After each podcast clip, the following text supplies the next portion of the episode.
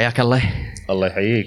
والله آه، شوف إحنا تكلمنا وخلصنا صار لنا ربع ساعة إيه. وتحلطمنا وقلنا كل شيء بس الحين الحين الرسمي. الحين الرسمي شوية مثل ما يقولون. بس آه، وين طبعا أنا ما أدري وين أبلش بس خلينا نبلش ب- بأكثر شيء واضح. قبل أسبوع أو أسبوعين تقريبا غبار. صحيح. وكل من مستاذي منه. صحيح. سؤالين. أول شيء ليش صار؟ السؤال الثاني. ولو إنه نقدر نتكلم إنه يمكن هذا واجب الحكومة إنها تمنعه وتسوي أشياء إنها تمنع مم. بس أنا كشخص إذا الحكومة ما راح تسوي شيء شنو أقدر أسوي. عشان أقلل حق عيالي هل هل موجة الغبار هذا تمام. أول شيء الغبار آه، أول شيء أشكرك على هذه الاستضافة. حياك الله. آه، مشكور. وإن شاء الله يكون حوارنا اليوم آه، مفيد لل- للجمهور. أنا ما أدري يشوفونه فيديو ولا يشوفوا يسمعونه. ولكن أتمنى إنه يكون خفيف ويوصل الرسالة اللي إحنا مجتمعين على أساسها اليوم. نرجع حق موضوع الغبار، الغبار ما هو جديد يعني مو. بس مو تو اليوم يصير الغبار من عمر. يصير عندنا بالكويت بسبب موقعنا الجغرافي،. موقعنا الجغرافي وبيئتنا بشكل عام بما فيها محيطنا عبارة عن منطقة آه، آه، متصحرة. ما راح أسميها صحراوية راح أسميها متصحرة بسبب النشاط البشري اللي راح ممكن نتكلم عنه بعد شوي فبالتالي عندنا الغطاء النباتي ضعيف عندنا بؤر آه، يسمونها البؤر الغبارية إحنا محاطين فيها. من العراق تقريبا آه، هناك في بورا بالأردن. آه، عندنا بالكويت مناطق آه، أيضا فيها رملة خفيفة فبالتالي ممكن انها بسهولة تنشال مع أي موجة رياح. كثافة الغبار اللي قاعد تجينا بسبب ال- ال- المنطقة اللي موجودة تحديدا بالعراق إحنا موجودين في المسار مال الرياح اللي عادة يكون ثقيل ويمر في هذيك المنطقة يحمل لنا ال- الأتربة. ويجيبها علينا ويروح له تقريبا ينزل للجنوب يعني. الآن شنو نقدر نسوي إحنا كدولة؟ نقدر نسوي كدولة. وللأمانة آه، الشيء بالشيء يذكر أنا أحيي آه، صندوق التنمية العربي اللي قد يكون تعرض لموجة هجوم بالفترة الأخيرة بسبب آه، توقيعهم عقد لتعمير أحد المناطق أو البؤر اللي موجودة في العراق. يبون يسوون عليها مشروع آه، تثبيت تربة وتحويل المنطقة إلى منطقة مدنية. ومزارع بهدف آه، طبعا هم صندوق التنمية ال- العربي هذا الشغلة برا الكويت هو أصلا يعني أي. هو أساسا يشتغل برا الكويت يشتغل مشاريع استراتيجية سواء تمويلية أو مشاريع استراتيجية تخدم الكويت هذا الامانه المشروع يخدم الكويت فبالتالي هم يبون يزرعون هذه المنطقة ويثبتون فيها التربة على اعتبار إنه يقل منسوب الغبار اللي يجينا من هذه المنطقة تحديدا. أوكي. الهجوم اللي صار على صندوق التنمية يمكن قد يكون لجهل الناس بدوره. هو أصلا ما يشتغل داخل الكويت يشتغل برا الكويت وعنده أهداف معينة. آه، رقم اثنين شنو المشكلة إذا إحنا آه، ساعدنا الكويت بطريقة غير مباشرة؟ بالضبط. إحنا أنت أنت سؤالك كان شنو المفروض الدولة تسوي شنو المفروض الشعب يسوي؟ طيب الدولة قاعد تسوي.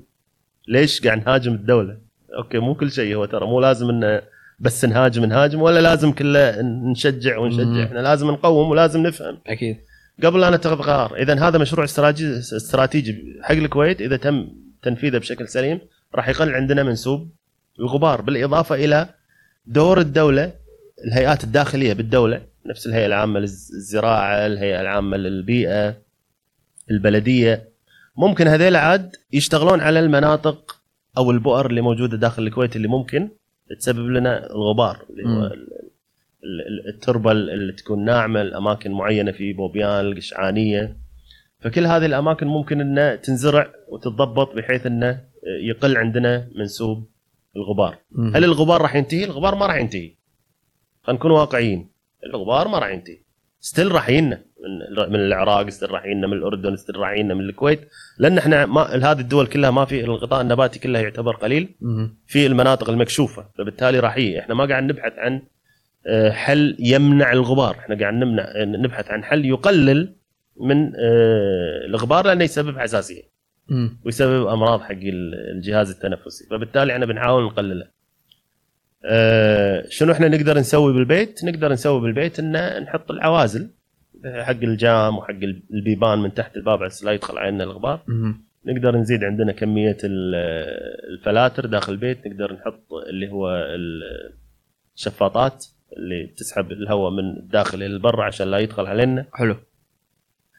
آه راح مثلا في وايد ناس يقولون زين خلينا نزرع حديقة بيتنا. زين مصدر هو يعني هدف زراعة الحديقة داخل البيت هدف آه، نبيل. لكن يعني هذا للتجميل وللتخضير. ما راح يفيدنا بالغبار. الغبار قاعدين من برا الكويت. قاعدين من المناطق ال- ال- ال- ال- الحدودية. فبالتالي دورنا إحنا كشعب بسيط لا حول ولا قوة. يعني ما, ما نقدر نسوي شيء وايد. شيء حلو. أوكي. فهذا مشروع دولة يفترض. مشروع دولة اللي هو تخضير ال- ال- الحدود ال- ال- وضع الحزام الأخضر ال- ال- التعاون الدولي ما في شيء ترى بالعكس التعاون الدولي ما بين الكويت والعراق والسعوديه مم. ممكن يطلع بنتائج طيبة اليوم عندنا المملكة العربية السعودية ما شاء الله عندهم initiatives يعني صح ضخمة في المجال البيئي ومنها تخضير مشروع تخضير ال- ال- الشرق الأوسط مم. اللي هو عبارة عن أشجار نيتف سبيسيز راح تكون توزع على السعودية والدول اللي بتشارك في هذا في هذا المشروع هذا أيضا راح يثبت لنا التربة وراح يخفف علينا آه، الغبار اللي راح آه، اليوم أنت لا تنسى أن قد تكون المناطق الداخلية مو مو متضررة كثر المناطق الخارجية بالكويت صباح الأحمد مم. والوفرة هذه مناطق قاعد تندفن لما تصير عندنا موجة غبار مم. بسبب هناك لأن الوضع هدد هناك والمناطق المقابلة لصباح الأحمد وأنا زرت هذه المناطق عبارة عن بر. فبالتالي سهل جدا هناك مع أي موجة رياح بسيطة ممكن الشوارع تتغطى يعني قاعد اتكلم عن أخطار حقيقية بالشارع لما يتغطى بالسافي والأمور هذه. أكيد. فراح يو... الناس راح تواجه مشكلة في الوصول إلى بيوتها والخروج من بيوتها. وقد يتعرضون إلى طوارئ فترات طوارئ وهذا الشيء يعني آه، خطر جدا. لازم نبحث آه، لازم نبحث عنه. فبالتالي آه، موضوع الغبار لن يتوقف. آه، نفكر بحلول لتقليله آه، بسبب إنه هو قاعد يأثر على آه، الصحة البشرية. أوكي حلو. الحين دكتور أنت كنت كان قبل ما نتكلم كنت قاعد تشرح لي على شلون أنت مرة سالت طلبتك عن شنو البر وأعطوك تعريف وأنت نعم. انصدمت بالتعريف. وبعدين قلت لي إن محمية صباح الأحمد بما إنها محمية يعني ومحروسة إن هي خضراء صحيح. إنزين. صحيح. فإحنا عندنا مشكلة انه إن إحنا البر يعني نسيء استخدامه ونضر. البيئه فعلى أساسه هل أنا ممكن أستنتج لو نسوي محميات بأغلب بر الكويت؟ راح. نخفف من الغبار طيب أنا راح يعني شو- شوي راح أخذك خطوة ورا. تفضل. وبعدين راح أشرح لك رؤيتي الشخصية أنا. رؤيتي. الشخصية البسيطة. أوكي. أول شيء البيئة مشكلتها الإنسان. خلينا نكون يعني صريحين وواقعيين وبسطاء في التعامل. البيئة مو مشكلتها ال- الطقس مو مشكلتها النبات مو مشكلتها الحيوان.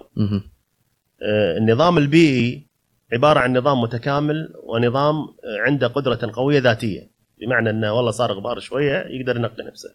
صار هناك في هلاك لبعض الكائنات الحية في سبب حق هذا الهلاك وراح تطلع كائنات حية أخرى وراح تتعمر الأرض. لكن اللي ما تقدر البيئة على إنها تصارعه هو النشاط البشري.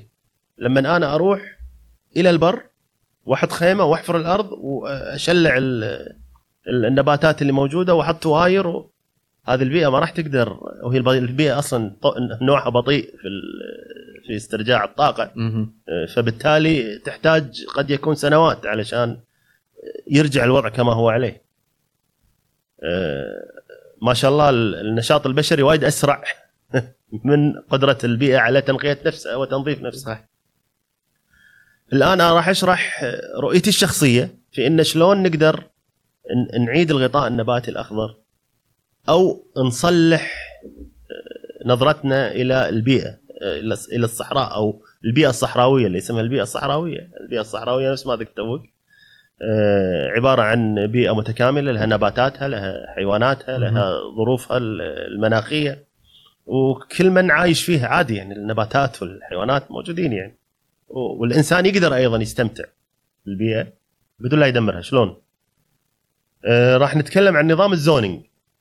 نظام ال zoning آه هو هذا عكس نظام الحالي النظام ال- ال- ال- البلدية الآن كل سنة تفتح موضوع ال- التخييم من شهر 10 أظن لشهر ثلاثة أو بداية مم. أربعة آه، وتفتح صحراء الكويت كلها ما عدا المناطق المحمية بموجب آه، إما محميات أو المناطق النفطية ما, ما تقدر. عدا ذلك البر مفتوح إلى الكل أي مكان تروح تحط خيمتك وتقعد عليك بالعافية. لكن هذا النظام كان قديم باعتقادي. النظام الحديث علشان الكويت أيضا تقدر تمارس آه، يعني أو تنفذ الاتفاقيات اللي اتفقت عليها دوليا مع البرامج ال- البيئية الدولية. إحنا لاز- لازم يعني يكون لنا دور في عملية المحافظة على بيئتنا داخل حدودنا. شلون نحافظ؟ آه، من خلال ال zoning. أوكي. أنا اليوم لما أحط منطقة ألف مثلا خلينا نقول إحنا الآن في شرق. راح أقول إن منطقة شرق بتصالح مع نفسي بقول منطقة شرق عبارة عن منطقة مخصصة للأنشطة البشرية. حلو. شنو يعني؟ يعني تروح تخيم فيها تسوي ال activities مالتك فيها تحط البقيات مالتك فيها أه، تحفر السرداب مالك فيها تحط خيمتك أه، ثلاث شهور فيها. طبعا أنا أول مرة أشوف أه، يعني تخييم عبارة عن ثلاث أربع شهور. حط خيمتي كأنها بيت ما يصير. بالضبط. في كل دول العالم التخييم عبارة عن منظومة سياحية ومنظومة مستدامة بيئيا. شلون؟ يعني أنا أروح يومين ثلاثة أستأنس بالطبيعة. إحنا ما نمنع ترى إحنا ما نمنع الناس من تستأنس بالطبيعة. بالنهاية هذه ظروف الدولة اللي إحنا عايشين فيها فمو نشجع السياحة الداخلية. جزء من السياحة الداخلية هو ان نستمتع بالطبيعة صح ولا لا؟ نبي نوري عيالنا. الطبيعة شلون صايرة؟ شنو الكائنات الحية اللي موجودة عندنا؟ شنو النباتات اللي موجودة عندنا؟ نبي نشم نبي نشم هواء نبي نشم جو. فأنا ما أمنع الناس من أنها تطلع لكن أمنعها من تدمير البيئة.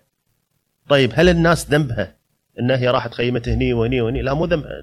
الدولة قالت لهم روحوا خيموا مم. من خلال مثلا البلدية أو قانون التخييم طيب خلينا نعيد مرة ثانية صياغة هذا القانون ونقول لهم لا تعالوا زونينج في عندي منطقة آه، ألف. هذه المنطقة ألف راح تظل إلى الأبد منطقة تخييم في مرة سمعت إن إيش رأيكم نخلي منطقة ألف منطقة تخييم آه، لمدة عشر سنين بعدين نخلي منطقة باء منطقة تخييم آه، لمدة عشر سنين عشان ننوع. طيب إذا أنا دمرت المنطقة هذه بروح عقب عشر سنين أدمر المنطقة هذه. ما سوينا شيء. ما سوينا شيء. فهني نبدا ندخل في موضوع من اللي قاعد يحط الخطط. شلون قاعد يتم اتخاذ القرار؟ مم. أكرر هذا رأيي الشخصي إنه يكون في زونينج خلاص منطقة ألف هذا راح تظل إلى الابد منطقة تخييم حط حط ثلاث مناطق بالكويت مو مشكلة. أربع مناطق خمسة لكنها محددة. وما تكون عبارة عن ما تحول لي ال- ال- الصحراء مالتي إلى fragments لأن إذا حولناهم إلى يعني patches راح تواجه الحيوانات آه، مشكلة في العبور. والمرور. وإحنا راح نصير راح ندمر البيئة أكثر. إن مثلا الكائنات الحية اللي بتجي من العراق بتروح السعودية واللي بتجي من السعودية بتروح العراق واللي بالكويت نفسها بتتنقل من مكان لمكان راح يصير عندها مساحة صغيرة مم. للحياة وهذا الشيء راح يأثر.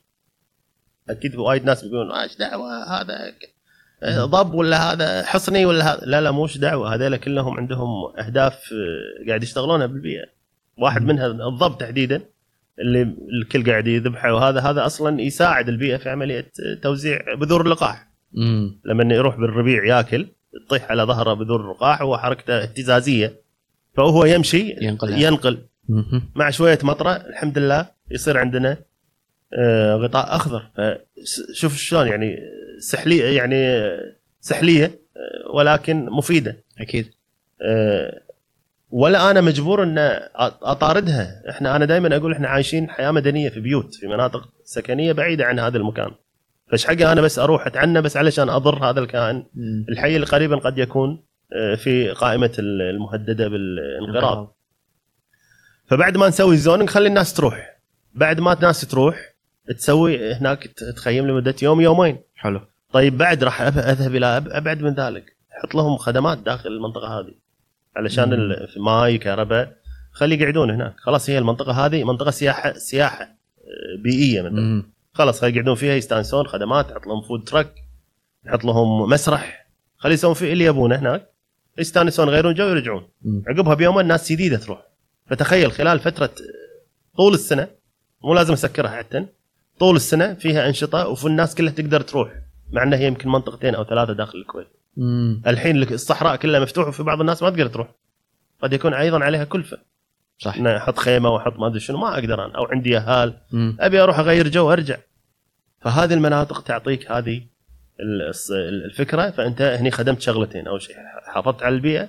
ثاني شيء ما منعت الناس من إنها تستانس في بيئتها الطبيعيه مم. وهذا اللي إحنا نطمح له. نبي الناس تتعرف على البيئة. نبي الأول الأطفال يتعرفون على البيئة.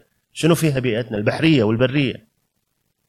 فكل هذه الأشياء ممكن إنها تتنفذ إذا تم التخطيط بشكل سليم وبشكل آه، ذكي زين إذا سوينا هذه والمناطق الحين أنت okay حطيت لي منطقة ألف باء تاء إيه. هذه سياحة. والباجي اللي فضل الحين. تبي تقلبه محميات؟ ما اقلبها محميات؟ ما راح اقلبها محميات. خله مثل ما هو؟ خله مثل ما هو. شنو قلنا مساع قلنا. إن البيئة عندها القدرة التنقوية الذاتية على إنها تنمي نفسها بنفسها. خلها سنتين ثلاثة أربعة عشرة. شوف إيش راح يصير. امم ما ما تحتاج تدفع دينار. صح. شوف هذا هذا الميزة ال- ال- ال- العمل المستدام إحنا ليش نقول بيئة مستدامه وش المقصود بكلمة الاستدامة؟ كلمة الاستدامة إن الموارد اللي موجودة عندك آه، تقلل استخدامها بحيث إنها تخدمك فترة زمنية أطول بأقل كلفة ممكنة. امم هذا الاستدامة. يعني هذا من الأشياء اللي أنا دائما يعني أشوف في بشكل عام الكل يقط حكي والكل كلام ومفردات ما نعرف ما نفهم شو المقصد- منه. مستدامة خصوصا مستدام مستدام. شنو المستدام؟ مستدام؟ بالضبط. طب هذا بطل مستدام. شلون شلون هذا البطل مستدام؟ ما نعرف. إيه. فهو مو مو إنه يعني مو بس إنه نقط الكلمة. بالضبط. لازم لازم يكون في هدف أو تعريف واضح لهذه الجملة وشلون ننفذها وشلون نقدر نوصل حق الهدف النهائي. فعندي موارد. أنا أحتاج آه، أخليها تعمر. وأحتاج ان أعطي فرصة للبيئة إنها تطور من نفسها. مم. دينار واحد ما أحتاج أدفع. لا كلامك صحيح لأن أنا الوالدة تقول لي أول مم. الستينات والسبعينات كانوا يطلعون بر تقول لي البر خبر شفت؟ فهي كل اللي كانت قاعدة تسويه إنها قاعدة تبعد شوي شفت؟ إيه الآن أصبحوا قاعد كل مكان قاموا يوصلون حتى الحدود بس الحين كل. شيء اخترب كل شيء مفتوح الآن امم فتخيل لو شوف هذه نقطة وايد آه، ممتازة النقطة اللي توك ذكرتها لو نرجع نسوي هذا الشيء السنة الجاية. عقب ثلاث أربع سنين راح تبدأ تشوف المنظر اللي كانوا يشوفونه. صح الستينات. غير هذا توك تقول آه الغبار ذبحنا. طيب لا تت... لا تتعبث في البيئة. خلها تخضر نفسها. شوف إذا ما قلت كمية ال- الغبار امم فشوف شوف كم هدف أنت قاعد تخدم. صح. كله من خلال آه إذا سويت ال zoning. الشيء الثاني ذكرتني فيه موضوع الرعي الجائر. إحنا في دول في له في يعني في صراحة limitation بال بال بال بالخبرة والوعي. ما يصير أنا عندي حلال اللي هو غنم وبعارين وكذي وما أقدر أصرف عليهم. امم أروح أهدهم بالبر هدد يأكلون من كل مكان. في وقته وفي غير في غير وقت ترى على فكرة اعتقد أعتقد ما أدري بس أعتقد في قانون يمنع ال- الرعي يعني. فيه فيه. صحيح. ما حد ملتزم فيه. ما حيطبقه صح. بل و- بل وأنا شخصيا أروح محميات أشوف بعارين داشه محميات. نروح نفتش من وين ولا قاصين السي- الشبك سياج ودشين والسياج مدخلينهم. امم و- و- وتقوم شرطة البيئة وتقوم الهيئة العامة للبيئة بسحب هذيل ال- ال- مثل البعارين والخرفان بعدين تشتغل واسطة لإخراج هذه. امم يعني الدولة قاعد تقوم بدورها ترى. بس الناس. الناس في صح. عندهم يحتاجون وعي أكثر. يحتاجون وعي. يحتاجون وعي أكثر. ولكن الدولة قاعد تقوم بدورها كثر ما تقدر. صح. ولكن هناك في بعض الناس اللي وعيهم قليل امم أما يهاجمون أو يتعمدون ال- ال- الغلط والإساءة. امم فاهمك. فنحتاج نعالج هذا الشيء. أكيد. زين الحين أنا عندي وايد مواضيع ترى إيه. مخي ما يخالف. إيه. زين خلينا نفتشها شوي شوي إيه. أنا برجع لك على موضوع الحرارة إيه. بس قبل أرجع لك موضوع الحرارة أنت ذكرت لي في فرق كبير بين الثيري. شنو ممكن نسوي صحيح وشنو تطبيقه صحيح فأعطينا كنا قاعد نتكلم عن مثال البلاستيك مم. قصة جياس البلاستيك بس أنت قاعد تقول لي إن هذا theory تطبيقه. راح يكون وايد صعب صحيح وغير آه، يعني الناس ما راح يستقبلونه بشكل صحيح, صحيح. طبعا زين الحين شنو شو من ناحية من ناحية بيئية غير الب- البلاستيك يعني مثال حي بس شنو في أمثلة ثانية اللي إحنا نتكلم نروح مؤتمرات وما شابه واتفاقيات ولكن بأرض الطبيعة ما في صحيح. شوف أنا المساع اللي قلت لك قلت لك إن أنا أنتمي للمدرسة الواقعية. مهم. okay أنا academic ودارس بيئة وهذا تخصصي ويمكن لأني دارس بيئة أقول لك إن أنا أنتمي إلى المدرسة ال- الواقعية. ما يصير بين يوم وليلة أبي أغير سيستم كامل. آه، لازم أبحث أبحث عن أصل الحكاية. أصل الحكاية قلنا مرة ثانية شنو؟ النشاط البشري. اذا أصل الحكاية هو الإنسان. إذا أنا ما أنمي الوعي عند الإنسان ما راح أقدر أطبق التطبيقات المستدامة. يعني باكر أقول له فجأة ماكو آه، بلاستيك بالجمعيات. يلا من باكر؟ ما في بلاستيك بالجمعيات. طيب آه، رقم واحد اللي سوى البلاستيك مصنع البلاستيك اللي دافع آلاف الدنانير أو ملايين الدنانير. عشان يسوي يسوي البلاستيك شنو بيشتغل فيه؟ مم. تمام هذا رب أسرة يفترض أكيد يعني شوف شوف يعني شوف شلون إحنا لازم نفكر لازم نفكر في بحذافير ال- ال- المشاريع اللي بنسويها علشان لا ندمر أسر ولا ندمر آه، البيئة. من الأشياء ال complications ال complications اللي قاعد تصير أو التعقيدات اللي قاعد تصير إن شلون أنا أقدر أفيد البيئة بس ما أضر الإنسان زائد ان ما أخلي الإنسان يضر البيئة. أنا أتحكى ك آه، كخبير بيئي أو ك decision maker okay. لما اكون decision maker لازم أعرف شلون أنا راح أحمي البيئة بس بنفس الشيء ما راح أضيق على الإنسان. طبعا أنا عارف إن الإنسان هو قاعد يأذي البيئة ولكن لازم أنا أحط حلول واقعية steps خطوات إلى أن أوصل إلى المرحلة النهائية. okay. اليوم أنا ما أبي ألوم الكويت ولا المواطن الكويتي ولا الحكومة هني في الكويت لأن ترى كل دول العالم أو المشروع البيئي بشكل عام مشروع يعتبر حديث. وكل دول العالم لحد الآن قاعد تلاحق آه، الستبس مالت إن التحول إلى الاستدامة. بما فيها دول العالم الأول الدول العظمى ترى لحد الآن في عندهم مشاكل طام يبون يوصلون إلى مراحل متقدمة بالاستدامة ولكنها واقعيا ما تصير بين يوم وليلة وقد يكون أكبر إثبات هو جلاسكو مؤتمر قمة الأرض اللي صار. وشلون كل الدول أعلنت إن هي ما قدرت تنفذ آه، اتفاقية باريس آه، بخصوص ال- خفض انبعاثات الكربونية بنسبة معينة. ما قدروا. ما ما مدى. ما دول مدى. متقدمة بعد. آه، دول متقدمة. ما مدى. فبالتالي إحنا قاعد نتكلم عن آه، آه، يفترض يكون هناك في آه، تشريعات واقعية. اليوم عندنا المجلس البلدي في لجنة البيئة عندنا مجلس الأمة في لجنة البيئة في عندنا ال- الهيئة العامة للبيئة أيضا هم متخصصين. فكل هذول لازم يقعدون ما تأخذهم العاطفة ولا الصوت العالي ولا الضغط الجماهيري من الناس البيئيين أكيد. في إنهم يتخذون قرارات قد تكون خاطئة آه، أو مستعجلة. غير البلاستيك أكو الطاقة ال- النظيفة اللي ما ندري شنو معناها أكو الطاقة الب- البديلة. طيب يا جماعة كل كلامكم على عيننا وراسنا. أكرر أنا شخص إنسان بيئي وأتكلم علميا في موضوع البيئة ومستعد يعني أناقش أي شخص. في موضوع البيئة بدون تحضير ممكن أتناقش.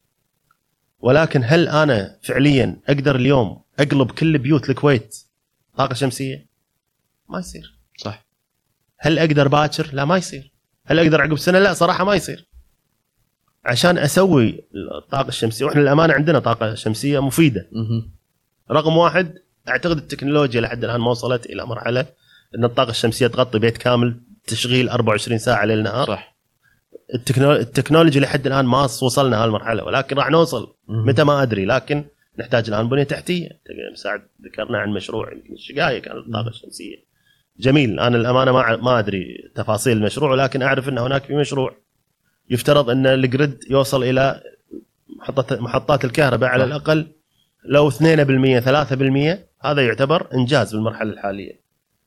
خل أجيب كان في آه، مبادرة من آه، مؤسسه الكويت التقدم العلمي حق آه، إن البيوت اللي تبي تحط طاقة شمسية ألواح طاقة شمسية إحنا ممكن نساعدهم أعتقد نفذوها على كم بيت. جميل هذه من المشاريع اللي تعتبر مشاريع ال pilot. بعد خلينا نزيد البيوت خلينا نشوف شو نقدر نسوي إذا في ناس مستعدة تحط على بيوتها وخلينا نشوف إيش كثر طاقة نقدر نجيبها again شوف لحد الآن pilot project لحد الآن بعدنا ما وصلنا إلى مرحلة مم. نهائية. ما عندنا طواحين رياح هنا علشان أشغل. مم. هذا عندنا في تكنولوجيا نحتاج إن نسويها حق البحر. طيب الأولوية حق البحر هل انظفه من التلوث ولا أسوي منه طاقة المد والجزر؟ لا أحتاج انظفه فشوف اكو steps لازم اوصلها عشان تبلش. علشان نبلش من الصفر. إحنا مم. الآن تحت الصفر موجودين. فهل واقعي إن أقول حق آه، ما البلاستيك لا مو ما أقول ما بلاستيك. خلينا ناخذ البلاستيك وخلنا نسوي أكثر من مصنع إعادة تدوير البلاستيك. مم. بمعنى أنا أستخدم البلاستيك مرة خل أخذ القوطي هذا أو البطل هذا أحطه بالمصنع نشوف شنو نطلع منه مهم. نفس المادة.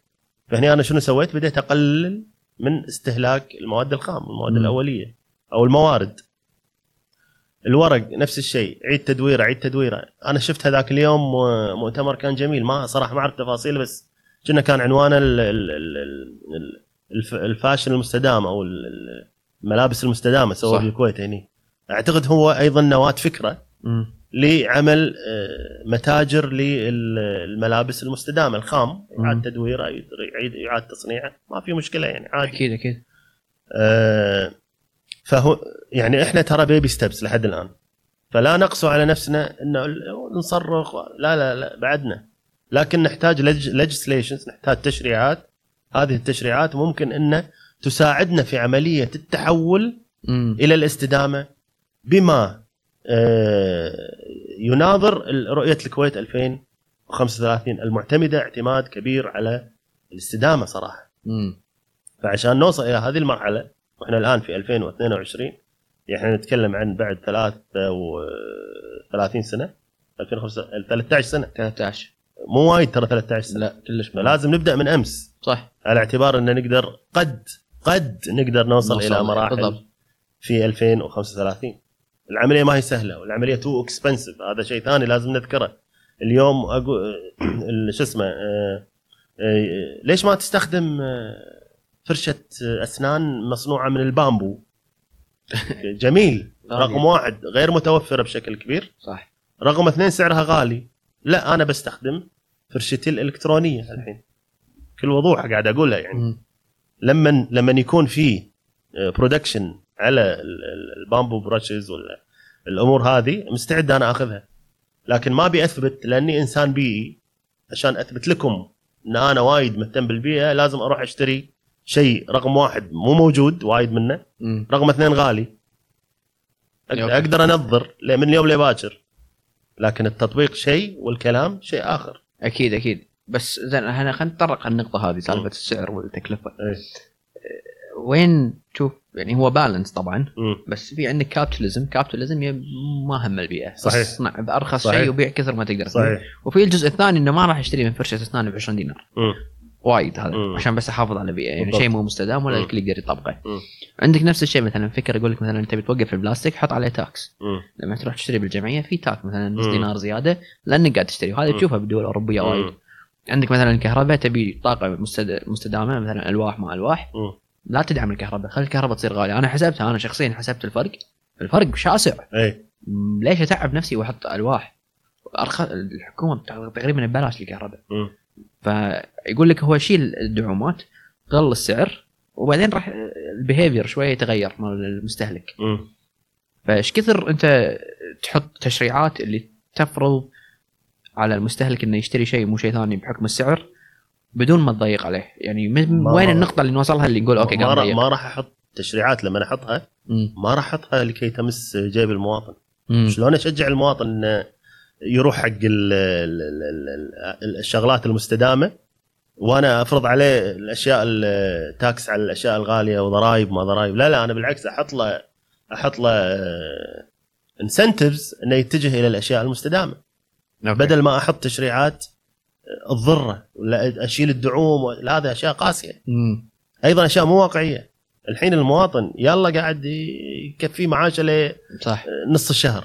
بعد أزيد عليه أشيل عنه دعم الكهرباء ودعم الماء ودعم المش عارف إيش؟ على اعتبار إن أنا بروح أحقق الاستدامة الاستدامة ما تجي من جيب المواطن. إحنا تونا تكلمنا مم. إن الاستدامة أو تحقيق الاستدامة هو مشروع دولة.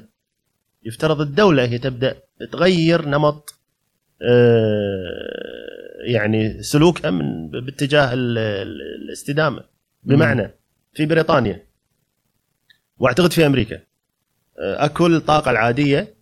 هذه طاقه شوف شلون الفرق يعني هذه الطاقة العادية مثلا سعرها 100 فلس الطاقة المستدامة.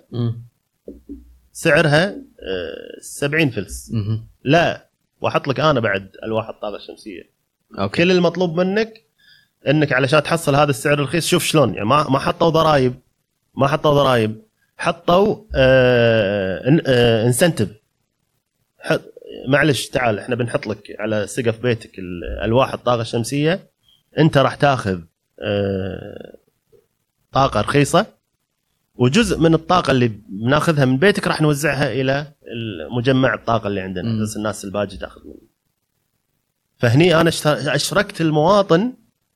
في عملية التحول إلى الاستدامة. بدل ما أهاجمه بالضرائب. مم. طيب أنت ليش ما ذكرت ليش ما ذكرت موضوع انه قواطي ال cans هذه؟ وانت كنت في أمريكا والي وأعتقد كان عندكم انه لما تأخذ علبة ال- ال can هذه توديها يعطونك ما أدري 2 سنت ما 3 يعني صح يعطونك مكاين فيه. بالضبط ففي incentive. عشان تشوف الناس هناك تلم. شوف في كثير من الأحيان أقول أن القوانين بعض الأحيان آه، آه، تفيد ما تضر. يعني هذا مثلا ترى يمكن هذا اللي أخذ ال can ووداها عشان يأخذ 2 سنت. هذا يمكن إنسان ولا يفهم بالبيئة. ولا يفقه بالبيئه هو يبي 2 سنت. معلش خلنا أمشي آه خلنا أخذ على قد عقله. بالضبط. بالمقابل شو راح يصير؟ هل أنت شفت في ال اللي هي منطقة مزدحمة وكلها أشكال وأنواع هل تشوف قواطم مقططة؟ كلش. نهائيا. نتكلم عن منطقة مزدحمة جدا. ومنطقة قد يكون فيها أنواع من البشر يعني شيء غريب بالضبط. ما تشوف أشياء مقططه طبعا أنا ما أقول لك إنه بس سالفة 30 سنت هي اللي قاعد تاثر ولكن هناك في أعمال. تشوف الجامعة. أنت أكيد لما رحت الجامعة أكيد أكيد عندكم اللي هو الحاويات ال- اللي مالت البلاستيك ومالت الورق. ومالت. ألوان ترى مو. عشوائية. هذا يجون بعد. كل نهاية يوم. مو كل نهاية course ولا semester يجون يشيلون يفرغون هذه ال- صح. وفي production عالي. في في في مصانع قاعدة تطلع آه، منتجات فريدة من نوعها بسبب إعادة تدوير إحنا هني بالكويت صارت عندنا مشكلة كبيرة بسبب التواير. صارت حطونا في National Geographic وحطونا في الدنيا كلها. أكبر دولة فيها مقبرة إطارات على شنو؟ يعني هذا من الأشياء اللي أيضا الدولة قاعدة تتحرك فيها ولكن بشكل بطيء مم. طيب آه أنا سمعت إن مثلا آه هناك في آه حاضنة حاضنة لمشاريع بيئية مم. مثلا اللي عنده فكرة مشروع بيئي يروح يقدم هذه الفكرة وياخذ عليها تمويل ويسوي مشروع حلو جميل أنا برأيي إن هذا ما هو صندوق المشاريع الصغيره اللي مثلا كل الناس تفتح كافيه كل الناس تفتح مطعم كل الناس تفتح مم. لا لا يفترض في التمويل البيئي يفترض إذا بتكلم عن التمويل البيئي يجب أن يكون من ضمن خطة عمل. بمعنى متخذ القرار أو الجهة المسؤولة عن حماية البيئة في الكويت أو الجهة المسؤولة عن السياسات البيئية بالكويت يفترض يكون عندها خطة عمل رود ماب من اليوم إلى مثلا 2035 تهدف هذه الخطة إلى إيصال الكويت إلى تحقيق التزاماتها الدولية في موضوع الاستدامة البيئية وموضوع تقليل مثلا الانبعاثات الكربونية. حلو حطينا خطة العمل هني عاد أقول حق المبادرين تعالوا أنا محتاج ثلاثة آه، مصانع إعادة تدوير بلاستيك مثلا. أنا محتاج اثنين آه، مصنع آه، تواير اشتراطات أنا. أنا محتاج شركة تصلح الواح الطاقه الشمسيه يلا تعالوا يا مبادرين. الآن كل مبادر يقدم لي فكرته شلون راح ينفذ هذا المشروع. إن أنا والله بسوي دليفري أنا بسوي تصليح عن طريق الروبوت. أنا بسوي واللي عنده فكرة أفضل أعطيه تمويل ويسوي هذا المشروع. اذا أنا سكرت واحدة من الجابز اللي عندي. مم. بدل ما الدولة تروح تسوي لا أمول الشباب. خلي. الشباب يجون يشتغلون في هذه المشاريع اللي راح تحقق لي الرؤية البيئية مالت الكويت. شنو الرؤية البيئية مالت الكويت؟ أنا ما, ما عندنا رؤية بيئية. ما أدري شنو الرؤية البيئية. حتى و... وإن كانت موجودة ما ندري عنها. ما ندري عنها. ليش ما؟ حد قال لنا عنها؟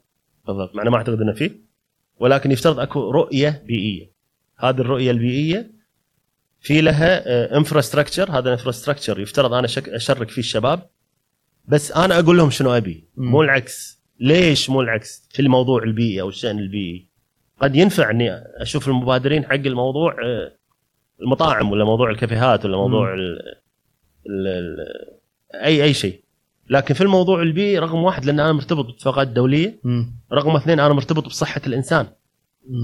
موضوع البيئة مرتبطة بشكل مباشر بصحة الإنسان. صح. رقم اثنين أنا أحتاج ان أحافظ على هذه البيئة. كلمني عن ال waste management هو مثلا تجميع الزبالة وانت بكرامه إيه. اللي فهمته أنا وأنا طبعا خبرتي بسيطة انه يأخذون كل شيء من الشوارع من البيوت وما شابه يروحون يقطونها بالبر. صحيح. ما أدري يحرقونها ما أدري ما يحرقونها. في مكبات للنفايات. إيه. مكبات للنفايات الآن آه، موجودة. آه، آلية عملها ضبابية بالنسبة لي. أنا ما أدري شلون بس في أعتقد في مدافن. و, و... آه، طبعا هذا تسجيل مو؟ اي زين هذا شنو؟ هذا الحين الحين هذا يعتبر يعني شيء هذا مضر للبيئة لا مضر مضر مضر. وهل- وهل في- مضر وت- يعني إذا تبي أزيدك من الشعر بيت هناك في دراسات علمية من زملاء لي سووا على مشاريع مكبات النفايات وطلعوا بنتائج خطيرة جدا. امم وأثبتوا أن هذه الأماكن سامة وبعض المكبات موجودة قريب من مناطق سكنية. امم قاعد تختلط بالتربة وقاعد توصل إلى البيوت في المناطق السكنية هذه. طيب ليش موجودة مكبات النفايات لحد الآن في هذه المناطق؟ ليش ما قاعد يتم التعامل معاها بطريقة علمية حديثة؟ آه، شنو؟ الطريقة؟ شنو شنو أصح طريقة؟ أصح طريقة هي عمل إعادة تدوير. لازم إعادة تدوير. لازم إعادة تدوير. هذا حرق ما حرق. يعني إذا أنا بحرق شنو انت شنو ال- ال- البرودكت مال الحرق ثاني دخان، إيه. دخان. طيب ش- هذا قديم كل شيء قديم يفترض الآن إن إحنا ما نشتغل فيه. امم خدمنا لفترة. صح. إلى أن طلعت التكنولوجيا الحديثة اللي نقدر نستخدمها الحين. عقب عشر سنين راح تطلع تكنولوجيا أحدث. امم يفترض أن نحاكيها. الشأن البيئي ترى متغير. أنا أشوفه نفس الطب. الطب كل يوم في advancement جديد صاير آه، ولازم يتحولون عليه. وقد يكون أقرب شيء الكورونا. صح. وشلون طلعوا ال- ال- ال vaccine. ال- ال vaccine خلال فترة زمنية؟ بسيطة والناس خافت قالت الشيء لازم يظل سنوات على ما يكتشفونه. لا صح، صح، صح. مو صحيح. في قدرة الآن إنه يعني نفس الشيء ال environment إعادة التدوير حاليا هو الحل الأمثل. امم يمكن بعدين يطلع شيء ثاني ما أدري. لكن الحين إحنا في زمن إعادة تدوير. فاليوم عندي نفايات معينة لازم يتم تفكيكها لازم يتم إعادة تدويرها. أه، خلينا نروح حق البيت. نروح شلون نسوي إعادة تدوير البيت؟ ترى في الآن ال machines هذه صغيرة. مالت ال- النفايات العضوية. الأكل بقايا الأكل التفاح ما شو تحطه يتحول سماد. وسعرها لا لا جيد يعني. فهذه من الأشياء اللي ممكن إحنا آه، نستفيد منها. شوف يعني كل شيء ممكن اعاده تدوير. هذه التلفونات اللي عندك. ما عندنا ولا مصنع بالكويت اعاده تدوير electro... electronics مع إنه من أكثر المواد اللي تطلع كمشروع يطلع ذهب. ترى ذهب صح. إيه؟ لا وهذه ترى ترى هذه الناحيه يمكن الناس مو فاهمينها يعني مم. ان هذه المشاريع اللي قاعد تذكرها هي ممكن تكون financially feasible فيها Yes. فيها فيها Yes. ربح مالي مو بس كذي هذه المشاريع مطلوبة دوليا يعني أنت اليوم مو بس سوق داخل الكويت امم ها من عرض التشريعات يفترض إن أنا أفتح وأسمح لمصانعي داخل الكويت انها تصدر لا تسوي شيء لا يعني أنت مو مطلوب منك حتى تعيد تدوير المواد وتطلع منها منتجات ثانية يا أخي بس فككها امم بس فككها إلى عناصرها الأولية.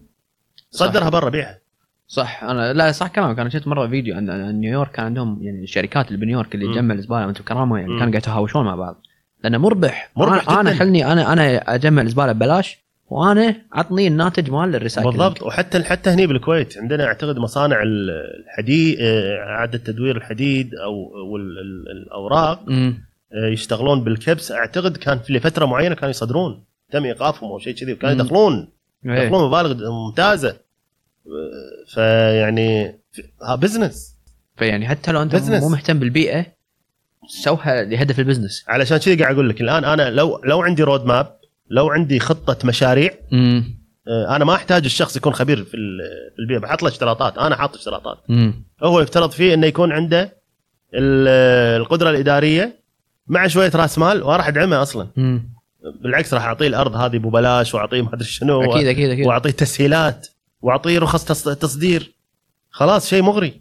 أكيد أكيد. وأنت راح تسوي لي هذا المشروع بمعنى حتى لو أنت مو محب للبيئه تقدر تشتغل بمشروع يخدم مصالحي صح صح. لأن حتى الحين أنا لما أفتح تمويل للبيئه يمكن ترى ما يقد يمكن ما يقدمون إلا خمسة. امم لأن الباقي ما يدرون شنو ما يقدمون يقدمون أصلا. يقدمون صح. طيب إذا إذا خمسة قدموا واعطيناهم بعدين شو نسوي؟ ما صح صح. راح يجونا عاد الناس اللي ما عندهم مشاريع. ما عندهم مشاريع عادي نفس الفكرة يعيدها بالضبط. صح بالضبط إيه. ف اجين راح نكرر الاستدامة. طبعا شلون؟ هي سيركل. دائرة. الخطوه الأولى الخطوه الثانية الخطوه الثالثة راح نرجع مرة ثانية. هذا اللي يسمونه الاقتصاد دائري. هذا اللي يسمونه الاقتصاد الدائري. الاقتصاد الدائري عبارة عن شنو؟ تأخذ المورد المورد تأخذه مرة واحدة. إيه. وتعيد تدويره. عشرات المرات. مم. مرة بطل البلاستيك هذا سويناه بطل ماي. بعدين ناخذ البلاستيك مرة ثانية نسوي مثلا whatever ناخذه إيه. بعدين نسوي شيء ثالث. أكيد أكيد أكيد أكيد. فكل هذه الأشياء عبارة عن خلاص خذيت المورد مرة واحدة. عشان لا عشان لا أرد الوث البيئة. صح. أكثر من مرة باستخدام نفس نفس هذا المورد. مم. فهي منظومة متكاملة. حلو. زين من ناحية الحين خلينا نتكلم عن الموضوع الكبير اللي هو حرارة. إيه. ويعني أنا انصدمت شخصيا لما رجعت برا الكويت ان الحين في ناس يقول لك ما في احتباس حراري ولا فاهم السالفة. طبعا في انك أنت كونك أكاديمي طبعا يمكن هالشيء هذا مر عليك أكثر من مرة. بس في ناس يقول لك الحين الحرارة هذه ما لها شغل بالتلوث. الحرارة هذه ما لها شغل بان نحرق هذه. ما لها شغل بالسيايير ما لها شغل. شنو يعني شلون ممكن تفهم الناس اللي يقول لك إنه ما في احتباس حراري الحين طيب آه وشنو يعني اشرح لي احتباس الحراري بشكل بسيط. مو نشرح خلنا نشرح القصة. آه شوف إحنا الآن لما نتكلم أو شخصيا أنا لما احب أتكلم دائما أحب لما أعطي المعلومة تكون مدعومة في مصادر علمية. أنا مصادر العلمية كوني إنسان أكاديمي لازم تكون بح- أبحاث فهناك في أبحاث علمية قاعد تثبت إن طبعا إحنا شنو مخازن الم... أو الكرة الأرضية شلون على أي أساس عايشة؟ عايشة على أساس الماي. بدون الماي ما راح يكون في حياة. فإحنا عندنا مخازن طبيعية للمياه، طبعا ال- البحار والمحيطات هذه ال- الماي اللي إحنا نشوفه. المخازن حق هذا حق هذا الماي عشان نضمن ان منسوبة ما يقل أو ينتهي هذه الأقطاب الشمالية والجنوبية. بسبب ارتفاع درجات طبعا هم على حسب الحسبة اللي موجودة علميا القديمة إنها هي بتظل مثلا مثلا مليون سنة. مثلا. تظل عندنا هذه آه، تغذي تغذي لنا الماء تذوب شوية تذوب بطء تذوب في بطء آه، وتع- وت- وت- وتخلي الماء دورة الماء تخلي دورة الماء في الطبيعة شغالة. الماء في له دورة بالطبيعة انه يتبخر ويصعد فوق ينزل كمطر بعدين يثلج مرة ثانية ويثلج مرة ثانية وينزل. وينزل مرة ثانية. يروح المياه ال- الجوفية والقصة الطويله هذه علشان أضمن إن هذه الدورة مستمرة. لازم القطب الشمالي والجنوبي وال- اللي نسميهم إحنا مخازن الماء لازم تظل تذوب بالنسبة ال- ال- البسيطة مالتها المحسوبة من زمان. طيب الآن طلعت دراسات حديثة إن هذه الأقطاب مخازن الماء اللي عندنا بدت سرعة ذوبانها تزيد. طيب هل سرعة ذوبانها تزيد؟ هل هي بس كذي قاعد تذوب ولا في شنو اللي يخلي السائل شنو يخلي الثلج يذوب؟ حرارة بس حرارة فبالتالي إحنا متفقين إنه آه، هناك في حرارة زايدة ما هي مو نفس آه، مو نفس قبل مم. وأعتقد لو تأخذ أيضا إحصائيات من الكويت راح تكتشف ان آه، الحرارة قد تكون بزيادة معدل وإن كان بسيط. بسيط بس مم. بالنهاية زيادة. شنو الاحتباس الحراري؟ شنو هو الاحتباس الحراري؟ وليش هو فعلا قاعد من النشاط البشري. راح نرد مرة ثانية راح نروح ونرد دائما على النشاط البشري. راح نبسطها بشكل كبير. الغلاف الجوي عبارة عن غازات تمام؟ بعض هذه الغازات يسمونها الغازات الدفيئة. مم. غازات الدفيئه بغض النظر عن شنو هي ما راح نعقد الناس. خمس ست غازات يسمونهم الغازات الدفيئه هذه الغازات موجودة الحين معنا بالغرفة موجودة بالغلاف الجوي. مهمة هذه الغازات الطبيعية هي إن تحافظ على بعض الأشعة اللي تجي من الشمس. أوكي. إحنا ال- ال- ال- الكا- الكائنات الحية تحب تعيش ما بين 15 إلى 20 30 درجة مئوية. هذا ال- ال- ال standard يعني. standard مال ال- الحياة على كوكب الأرض هذه درجة الحرارة. شلون قاعد تصير درجة الحرارة؟ كذي هي من الشمس بالنهاية. إحنا مصدر ال- الحرارة ال- ال- الأساسي هو الشمس. صح. الشمس قاعد ترسل لنا أشعة إلى سطح الأرض. بدون وجود الغازات الدفيئة هذه الأشعة راح تطق بالأرض وش يصير فيها؟ راح تنعكس مرة ثانية. تطق وراح تنعكس تطق وراح تنعكس وما ما راح تسخن شيء. وجود الغازات الطب... الغازات الدفيئة اللي موجودة بشكل طبيعي موجودة بشكل طبيعي. وجود الغازات الدفيئة يحافظ لنا على هذه الأشعة. لما تطق بالأرض. الطق بالأرض مو كلها يرجع. يبقى شوي. يبقى شوية حلو. فيدفي لنا الأرض. سطح الأرض. يظل بالليل وثاني يوم تنعاد حلو. الكرة. تمام؟ حلو. واضح. زين. الغازات أبي أركز على إن هذه الغازات هي غازات موجودة بنسب طبيعية. في الجو. منها الميثان ومنها ثاني اكسيد الكربون بخار الماء أيضا جزء منها. فهذه موجودة بشكل طبيعي. يات عندنا الصناعات الحديثة. السيارات شنو تطلع عوادمها؟ ثاني اكسيد الكربون مصانع البشرية عفوا المصانع المختلفة. شنو تطلع؟ ثاني اكسيد الكربون طيارات. وإن سووا مح- محركات حديثة وشي بس still قاعد تطلع ثاني اكسيد الكربون صح. المزارع. المزارع ال- ال- في أوروبا وفي باكستان وفي أي مكان هولندا اللي هي مالت البقر ومالت مم. أستراليا ومالت الغنم. هذا في فضلات الحيوانات يعني. صح. هذه الفضلات عبارة عن أيضا تطلع غازات غازات. مع الوقت ومع الزمن نسبة الغازات اللي موجودة بشكل طبيعي بالغلاف الجوي شنو صار فيها؟ زادت. زادت.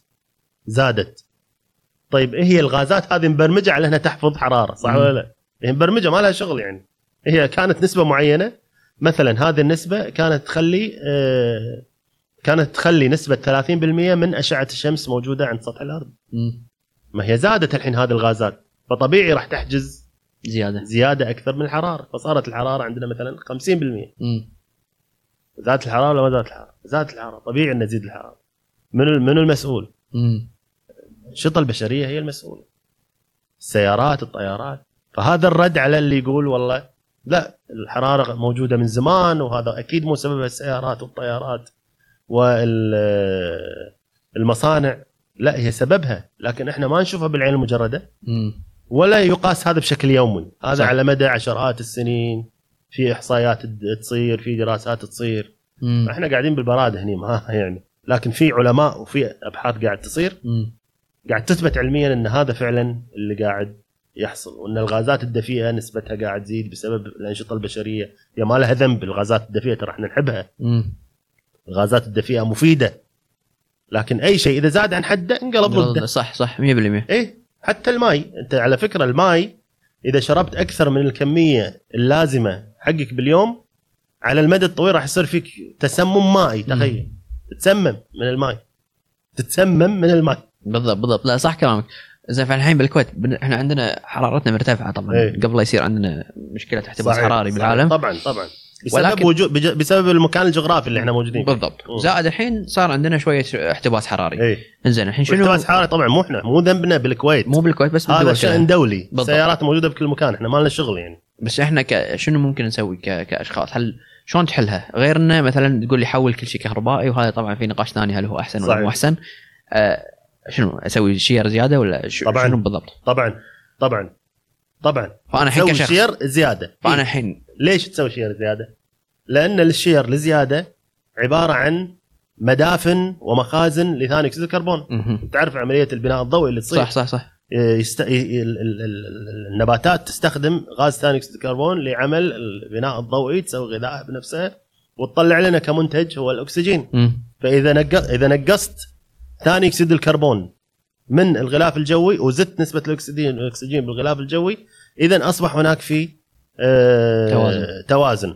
روح حق المزارع ال- الحيوانية. اشترط عليهم عملية تحويل هذه ال- الفضلات إلى سماد.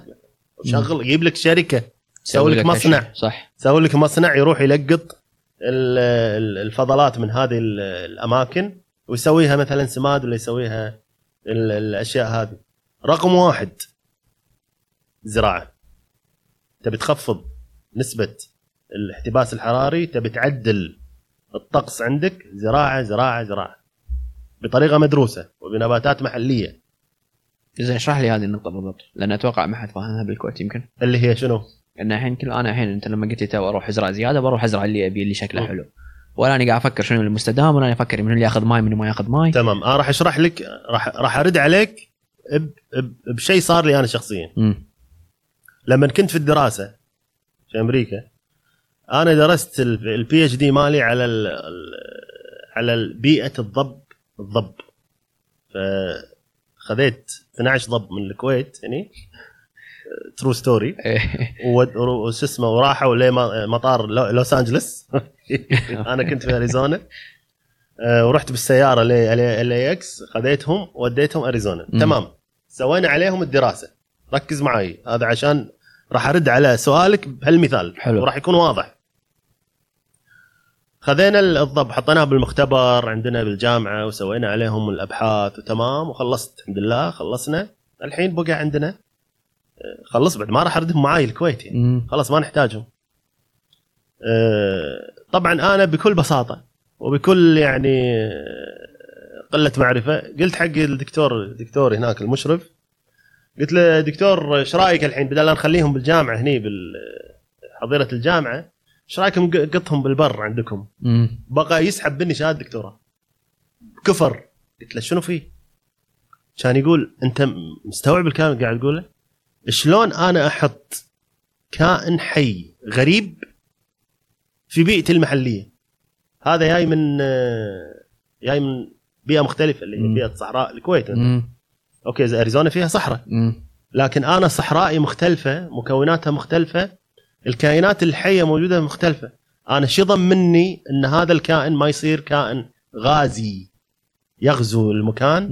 ويتكاثر بالمكان ويدمر البنية التحتية مالت بيئتي صح. المتناغمة. مم. ويدمر الكائنات الحية اللي عندي. في عندهم هناك نوع سعالي يعني. مم. ويمكن هذا يصير أقوى من السحلية اللي عندي. مم. ويدمرها. وبعدين هو يمكن مع الوقت يتدمر وبس والبيئة مالتي تتدمر. قلت له والله ما فكرت فيها بهالطريقة. كان يقول نعم أي شيء في كل بيئة لازم يكون مأخوذ من بيئتها. ما تدخل عليها. كائنات حية غازية أو نباتات غازية أو تمشكلها عشان كذي إحنا ندعو دائما مشكورين يا جماعة. اللي بيزرع واللي عنده فكرة زراعة تمام لكن تعالوا أخذوا الشتلات من المكان المتخصص. أو تعالوا أخذوا الشتلات لما يكون هناك في حملات زراعية. ما يصير أنا أروح أختار لي منطقة أزرع فيها بشكل عشوائي. أنت شنو زارع؟ هذا رقم واحد. ليش زارع هني؟ شنو راح يخدمني؟ إذا زرعت ترى مو بس ازرع وبس أنت لازم تزرع من خلال خطة. هذا اللي أنا حطيته هني لأن قد يكون هني في عندي آه، فقر في مخازن ال- ال- الكربون. أنا مم. بحطه هني هذه كمخازن كربون هني طبيعي. لا هني مو خوش مكان. هني راح نحط ولكن هذا النوع. فاهمك. عرفت؟ في خطة. في خطة لازم وفي كائنات حية معينة عشان لا ندش في مشروع الكائنات الحية الغازية أو النباتات الغازية أو الحيوانات. نفسها الغازية. وهذا تصير وايد يعني. فلا نتسبب إحنا بشكل آه، يعني غير مقصود في تدمير البيئة ونعطل بعدين المشروع. تعال شيل وننظف وعدل أكيد و... أكيد أكيد أكيد. فهذا اللي إحنا نتكلم عنه إنه لازم تكون الكائنات الحية من نفس البيئة وتخدم غرض معين وحتى إن المكان اللوكيشن لازم يكون واضح ليش إحنا حاطين. هذه الأشياء. ولازم يكون الكائنات الحية هذه عندها القدرة على التعايش مع الأجواء مالتنا. مم. بمعنى إنه مثلا مو شرط كل يوم تسقي مو شرط هذا ولكن عندها القدرة على إنه أوكي أوكي. آه تعمر. بشكل مستدام صح. بشكل مستدام. أوكي وضحت ال- service الصيانه مالتها تكون low maintenance صح صح. إيه. هو أصلا أتوقع أنا حمد كليب لما قاعد مكانك قاعد يتكلم على وايد ناس يروحون على طول إلى إلى إلى النخيل اي اي هو كان يذكر ان لحظة النخيل. يحتاج وايد ماي. صحيح صحيح. تخطط له ما تحطه بكل شارع الكويت. راح يموت. صحيح ما راح يسوي. شيء. بس زين الحين أبي أبي أغير شوي الموضوع. إيه. عندك أنت عندك وايد يعني آه، طروحات عن السياحة الداخلية نعم. الاقتصاد الداخلي. نعم. طبعا هم أتوقع داشين ببعض الاثنين اي وأنا هم بدي أخذ رأيك بمشاريع. مثلا عندك مشروع النخلة بدبي مم. وعندك مشروع هني صباح الأحمد البحرية اي أنا شفت documentary عن هالمشروعين قاعد يقارنهم ببعض. وقال لك إن مشروع صباح الأحمد مقارنة بمشاريع دبي اللي هي النخلة اللي هي دوارية إن هذا مستدام للبيئة البحرية أكثر اللي هو عندنا صباح الأحمد بحكم إن الماء يدخل ويطلع على راحته. إنزين الحين هل هذا هو جزء من السياحة اللي قاعد اتكلم عنها أو الاقتصاد ال- البيئي ولا هو على شكل شخصي ولا هو شنو بالضبط؟ لأن الحين شوف أنا اللي اللي, اللي أعرفه. ما قرأت لا في مشروع النخلة ولا في مشروع صباح الأحمد مم. آه، أنا اللي قرأت إن مشروع النخلة كان أساسا هو كواسر أمواج على اعتبار إنه يطخخون المويه اللي وتصير منطقة للشعاب المرجانية أنا أكرر ما قريت ما أدري يعني. هل, هل تنفذ ما تنفذ بهالطريقة. ما أدري ولكن لو كان متنفذ بهالطريقة يعتبر مشروع جيد وناجح. حلو. آه على الورق on paper أنا أنا من وجهة نظري أنا ضد ال- ال- التشكيل في البيئة الطبيعية. يعني ما راح أحفر أنا ضد إني أحفر ضد إني أدفن. مم. أخلي كل شيء كما هو وأطور عليه. يعني مثلا حتى صباح الأحمد البحرية تم حفر حفر، صح. الخور مثلا وتم وضع آه، المكاين turbines على أساس إنه يداور الماي لكن لم يتم تشغيل هذه ال turbines فشنو صار عندنا؟ صار عندنا مياه راكدة مياه مو نظيفة. مياه قد تسبب أمراض ومياه على حسب اللي سمعت إن كنا أصلا الأحياء اللي موجودة في هذه المياه بدأت تدهور. فبالتالي شوف شلون إذا شيء مو طبيعي راح يكون هناك في مشكلة حق البيئة ان تعالج نفسها بنفسها حلو مش أنا يعني هذا مو مشروع هو أعتقد إن مشروع النخلة ومشروع صباح الأحمد البحريه هذا ما هي مشاريع بيئية ولا مشاريع مرتبطة بالاقتصاد الأخضر. أعتقد إن تقصد الاقتصاد الأخضر هذا ما ما له شغل. هي أوكي منطقة ظاهر يعني منطقة تسوت يعني. هو يقول لك انه بيزيد الواجهة البحرية فهذه يعني يا تطلع يا برا يا تدخل اللي يعني عندك. تمام تمام. هو دخل الماي لكن ما نف ما ما كمل. نفذ كل شيء. أوكي ما حلو. كمل ما كمل القصة. أوكي. فأعتقد إن كانت الم... كان المشروع هذا كان راح يكون مصيره لأنه معتمد على آه، مداور الماي. باستخدام ال- المكاين. صح. فإذا يعني يفترض أن الق- ال- القلب النابض حق هذا المشروع هو إدارة صيانة. يكون شغلها الشاغل هذه فاهم التوربينات. أوكي. فهو تنفذ المشروع بس أنا ما أقدر ألومهم لأن ما أعتقد إنه مشروع بيئي. هو مشروع يعني تجاري أراضي وشاليهات وكذي يعني. حلو. بس في خطأ. هذا المشروع فيه خطأ. أوكي. يعني لأن الماي ما قاعد يداور. ما قاعد دار فسبب. بالضبط. أوكي. إذا شنو المشاريع البيئية؟ يعني راح يقول مشاريع بيئية لأن أنا أنا أسمع هالشيء بس ما أدري شنو. طيب المشاريع البيئية هي مشاريع تعتمد بال, بال... مش... إذا بتحكي على السياحة البيئية خلينا. نحكي على السياحة البيئية. السياحة البيئية آه، يفترض فيها اللي هو ال zoning. هذا هو هو أساس المشروع ال infrastructure حق مشروع السياحة البيئية هو ال zoning. مثلا شيء جميل سووه الهيئه العامة للبيئه ان سووا محمية الجهرة. أدرجوها تحت بند السياحة البيئية. أنا ما دشيتها صراحة. ما دشيتها من يوم صارت آه، سياحة بيئية. داشها داشها قبل. مم. بس آه، يفترض فيها إن هي مكان لمشاهدة الطيور. مم. فتروح هناك في منصات تروح على المنصة تطالع الطيور والظاهر حاطين مثل آه، يعني مثل تلسكوب. تلسكوب أو شيء تشوف الطيور تمام. تطلع تروح بيتكم. شوف في النموذج اللي هو مال تروح تستمتع بالطبيعة وترجع بيتكم. فهذا هذا واحد. حلو. المشاريع مثلا السياحة البيئية بوجهة نظري يعني الساحه البيئية ناشونال بارك يعني آه، أنت بعد رحت في كاليفورنيا في أكيد. ال national park من منظومة ال national park منظومة جميلة. يعني أنا أرشح مثلا محمية صباح الأحمد أن تكون part of national park يعني okay قد يكون قد تكون ال- الاشتراطات مختلفة لكن يعني تجاوزا خلينا نسميها national park مم. نفس الشيء خلي الناس تدش تشوف شنو. يعني أنا أنا واحد من الناس ودي لو تفتح محمية آه، صباح الأحمد أودي طلبتي. مم. أبي أوريهم شنو الصحراء. خلي يشوفون شنو الصحراء. مم. فهناك وايد مكان ممتاز تشوف شنو الكائنات حية آه عادة ما تشوفها برا موجودة داخل. صح. هي تابعة native يعني حق حق منطقتنا. فممكن تشوفها هناك. فايضا تخلي الناس تروح آه تشوف تخيم مثلا تقعد آه تطالع شنو أكو شنو ماكو وترد البيت. من المشاريع البيئية أيضا ممكن نسوي RV park حق المقطورات هذه الكرفان. يعني آه، وايد ناس عندها كرفان ما تدري إيش تسوي فيه. فنسوي لهم أيضا مثل منطقة مسوره فيها خدمات ماء وكهرباء وما أدري شنو مم. حق الكرفان. الناس تقعد تستانس فيها يوم يومين ثلاثة يحجز بسعر رمزي ويرجع مرة ثانية يروح. إحنا بالنهاية ما قاعد نبحث حق هذه المشاريع إذا كانت تحت آه، إدارة الحكومة خل تكون رمزية يعني الأسعار. أو قد تكون تابعه للقطاع الخاص. بعد تحط لي خدمات أفضل. وخلي يكون سعر مناسب عشان الناس تبي تروح. إحنا هني شنو عندنا غير المشاريع؟ شاليه شاليه شاليه شاليه شاليه شاليه شاليه. بس. هذا هذا موجود ترى. صح، شفته؟ صح. يعني لاحظ حتى إن طريقة الفكر ما هي متنوعة. كل المجموعة عندها مثلا رأس مال وأرض حطت مجموعة شاليهات وقامت تأجر. لا لا ذهبنا إلى بعد من ذلك. ناس أفراد قاموا يأجرون شاليهاتهم الخاص بالضبط. مع إنه شوف كم مشروع أعطيتك. مثلا مشروع ال- ال pier. انت أنت كنت سانتا مونيكا. صح. يعني لما تروح سانتا مونيكا راح تشوف ال pier موجودة. هذا ال pier ما أدري من كم 100 سنة. صح. لكنها كأنها مبنية أمس. مم. وفيها آه، سياحة وفيها ألعاب أطفال وفيها كذي.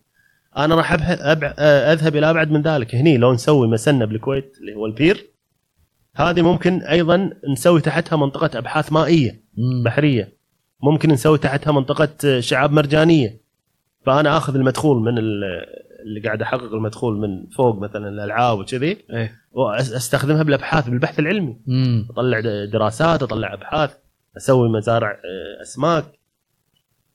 بالمقابل خليت الناس تستانس بالبيئة مم. بس أنا بديت أطلع فلوس وأسوي ريسيرش حق البيئة أفيده. فتشوف كم مشروع. إحنا ما عندنا شيء بالكويت. ما عندنا شيء. مجرد شاليهات أفراد أو شاليه الخيران اللي ما حد المنتزه الخيران اللي حد الآن ما حد سوى غيره ولا حد قاعد يطوره. ف وايد في مشاريع الج- الجزر. كبار فيلتشا هذه أماكن يعني الناس تتمنى تكون عندها.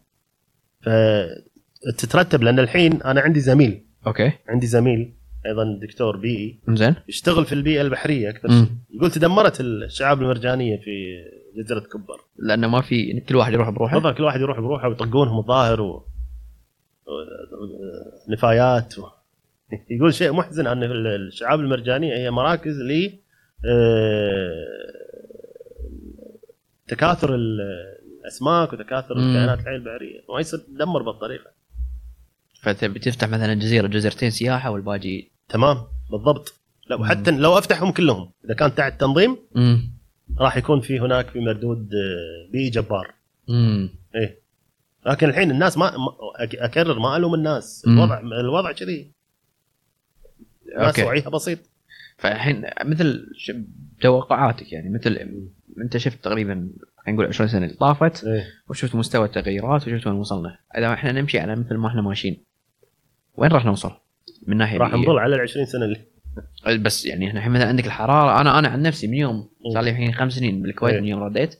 أنا احساس إحساسي إن كل صيف أحر من الصيف اللي قبل وقد يكون إحساسك صحيح إي فإذا شنو وغبار يعني صحيح صحيح صحيح يعني يصير فيك تسمعها أصلا يقول لك إن الكويت ما تنعاش بالكويت صحيح صحيح شوف شوف الشعب شوف شوف الحين المطار. الناس كلها تسافر كلها تسافر طبعا. طبعا طبعا فهذه مو يعني هذه مو شيء هو. هم هو حر وهم هو ما في متنفس مثلا أشياء بالضبط. سياحية بالضبط. ما في يعني اكتيفيتيز فأكيد الناس تبي تسافر.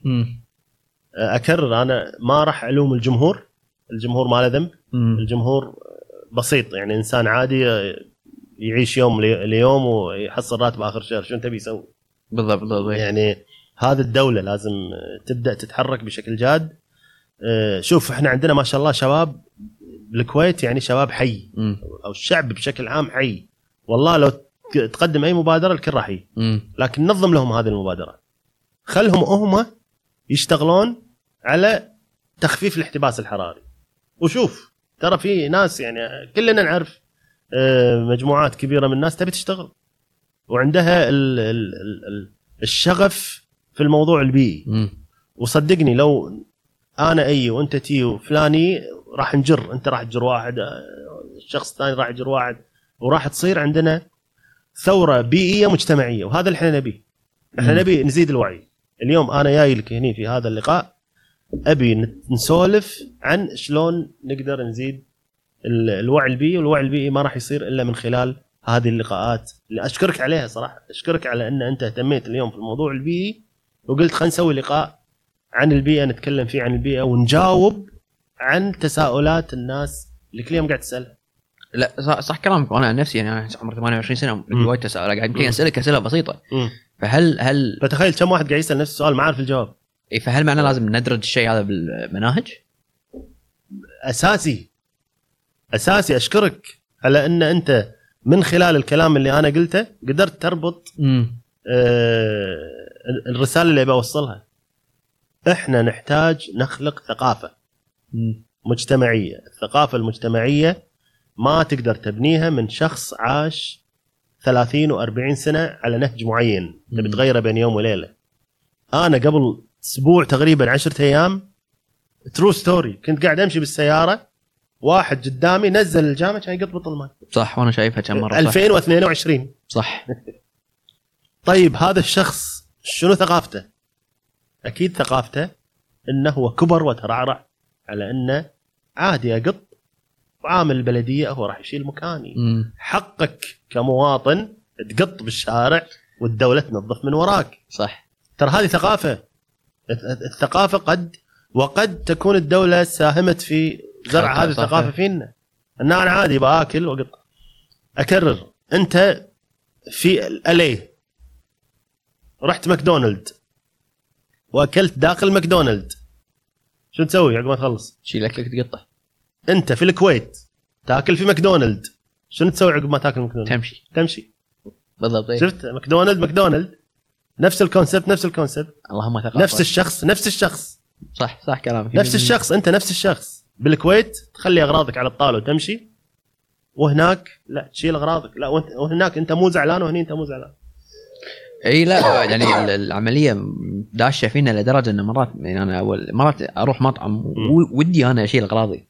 بس ما المطعم ما يبيك تشيل خلاص. بالضبط بالضبط. مو حاط لك أصلا زباله مو حاط لك ولا شيء. بالضبط. نتكلم عن ال fast food. قول إيه. dine-in هذا موضوع آخر. هذا موضوع إيه fast food. نتكلم إيه. بالعكس يستغرب أنت إيش حقه شايل الاغراض ليش هاي الاغراض؟ فبالتالي هذا نتكلم عنه. إحنا هذه ثقافة مجتمع. نبي نعيد تأهيلها من الصفر. عشان نعيد تأهيلها من الصفر لازم أبدي في عيالي الصغار. مم. عشان أبدي بعيالي الصغار عشان أثبت إن كلامي صح حق عيالي الصغار لازم يشوفونه بالمدرسة. اذا لازم يكون عندنا بالمناهج. مم. يعلم هذا الشيء ولازم يكون عندي حصة بيئية ولازم أدخل الحس البيئي في حصص العلوم في حصص ال- الرياضيات في حصص الفيزياء. كل هذه أشياء مرتبطة بالبيئة بالنهاية البيئة holistic system البيئة عبارة عن نظام ecosystem متكامل تدخل فيه كل هذه التخصصات مم. أزرع في هذا الأطفال آه، شنو يعني بيئة؟ خلي يكون جزء من ال lifestyle مالهم. ما يكون شيء متكلف. مم. مو إن أنا إي يلا أنا الحين آه، صرت شاطر آه، على التد... لا لا خلي يكون by default هو يحب يعيد تدوير. البلاستيك by default يستخدم فرشة ال bamboo. by default أكيد أكيد. يعيد لبس يستخدم ملابسه أكثر من مرة. مو لازم أنا اترس كبتي. ملابس وإذا كنت بشتري ملابس جديدة خل أتبرع فيهم هذيلا. ما أقطهم. على على الأقل أتبرع فيهم. ترى هذا نوع من إعادة تدوير. ملابس إذا ما فيهم شيء بس إن أنا ما أعتازهم أوديهم إلى شخص يعتازهم. هذا جزء صح، من اعاده صح. تدوير مو شرط إعادة تدوير ان أش- أقص الخام وأسوي منه خام جديد ولا لا لا هذا أعطيه. التليفون مالك صار له عندك سنة. ترى السنة اللي عقبها because of marketing أنت حابب تشتري تليفون جديد. صح، صح. مو لأن تليفونك صار قديم. صح. فخله ما يخالف عل- علم نفسك إن أنت كل ثلاث سنوات مثلا تشتري تليفون جديد. طيب تليفونك القديم في أحد ثاني ممكن يستخدمه؟ عطه. إلى أن ينتهي عمره الافترا- الافتراضي تماما. لين انتهى عمره الافتراضي تماما يفترض في عندي مصنع. يشيل البطارية يشيل البطارية ويشيل ال- ال- المتلز ويشيل ما أدري شنو.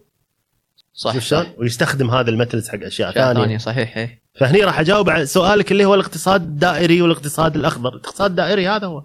كلها عيد. عيد عيد صح، صح، عيد صح، عيد صح. عيد عيد. الاقتصاد الأخضر شنو هو؟ الاقتصاد الأخضر الاقتصاد المستدام اليوم ن- نسوي مشاريع بيئية عفوا مشاريع آه، ما تأذي البيئة. مثلا جزء من البيئة ترى إن أنت ما تشغل ال- العمال آه، طول اليوم. تخيل يعني هذا أنت صرت مشروع آه، مستدام. يجيب الناس خل تشتغل ثمان ساعات ولا ست ساعات صح. وتروح بيتهم يجيب ناس غيرهم خلي يشتغلون. استخدم مواد معاد تدويرها. آه، لا تقتل الحيوان مم. عشان تطلع منه آه، جنطة قيمتها 1000 دينار وكلنا ندري إن هذه الجنطة ما تسوى 50 دينار بس لأن. عليها brand name صح صح. صارت ب 1000 دينار. تعود على إن أنت تلبس ملابس generic شو المشكلة يعني؟ كله تيشيرت ولا كله بالضبط بالضبط صح. فليش لازم أشتري أنا شيء ماركة ما أدري كم قيمتها وهي نفس الشيء ترى بس عليها مثلا آه، آه، stamp ولا عليها شوية التطريز فعلى هالأساس هالسلوكيات اللي خلينا نقول extreme في دول تقول لك أنا راح خلاص كيفك؟ تقدر تسويها بس راح شلون السجاير حط عليها tax إيه. ثلاث مرات السعر. نفس الشيء هذا شيء مضر 100% الشيء الشيء المضر عاد الشيء المضر تحديدا مم. حط عليه أنا بس بس يعني تدري وين تحط الم... ترى الإنسان حتى لو ما كان آه، واعي على أي شيء. حط عليه مخالفة. مو تاكس حط عليه مخالفة. أنت رحت قعدت على البحر هديت فضلاتك كذي مثلا نفايات وقمت تتخالف. اكو مرة ما أدري والله صديق أو شيء قال إحنا عن غير قصد رحنا بعمان. يقول آه، حطينا شو اسمه رحنا البر ما أدري الجبل ما أدري وين. حطينا قعدنا. فجأة قررنا شيء عشوائي نفس مم. جاي- جايين من الكويت يعني هو بالنهاية. ما, ما يمشي عندهم صح. الزونينج يعني. فدش وقعدنا يقول خلال لحظات جاتنا دورية. قالت شو أنتم إيش قاعدين إيش قاعد تسوون؟ مو مكان قاعدة. يلا. لا شيلوا شيلوا. لازم شيلوا مكان معين، وامشي. إيه. هناك أماكن معينة بالضبط. يقول بكل احترام شلنا أغراضنا ورحنا. حط عليها مخالفات هنا إنك ما تقعد أصلا. لا تقعد. عشان لا توسخ. بالضبط. مثلا لا خلينا نفرض على البحر والبحر يعني هذا. خلينا نفرض يقعدون على البحر. مم. سواء مواطنين أو وافدين خلي يتعلمون القانون. يعني خليه يقعد تبي تقعد تستانس حط حط له حاويات ورا. حاويات نفايات. ساعدة. ما نفذ حط عليه عقوبة. راح يبدي. يخاف هني شوف إذا الحين إحنا في عندنا طريقتين. إما الإنسان يكون عنده وعي فبالتالي هو ما يسوي هذا الشيء أو أو يخاف. صح. اللي م- اللي مو مستعد إنه يكون عنده وعي في ناس ترى مو مستعدة حتى يكون عنده وعي. خل تبدي تخاف. مم. هني إحنا راح نحقق النجاح. مم. أما بس ضرائب وما ضرائب تخوف الناس لا. أنا أنا ضد هذا الشيء. لكن تحط آه، آه، عقوبات معينة الناس راح تلتزم. نفس. الشيء بالبر ممنوع تروح برا. عندك هذه المناطق تخيم فيها. خيمت برا راح يكون عليك مخالفة مالية. لا صح كلامك. فبالعكس ما نبي شوف لا نحط أشياء تكره الناس البيئه صح. البيئه صح صح, صح. خلها تحب البيئة خلها تحترم البيئة خلها ودها تطور هي بنفسها بالبيئة.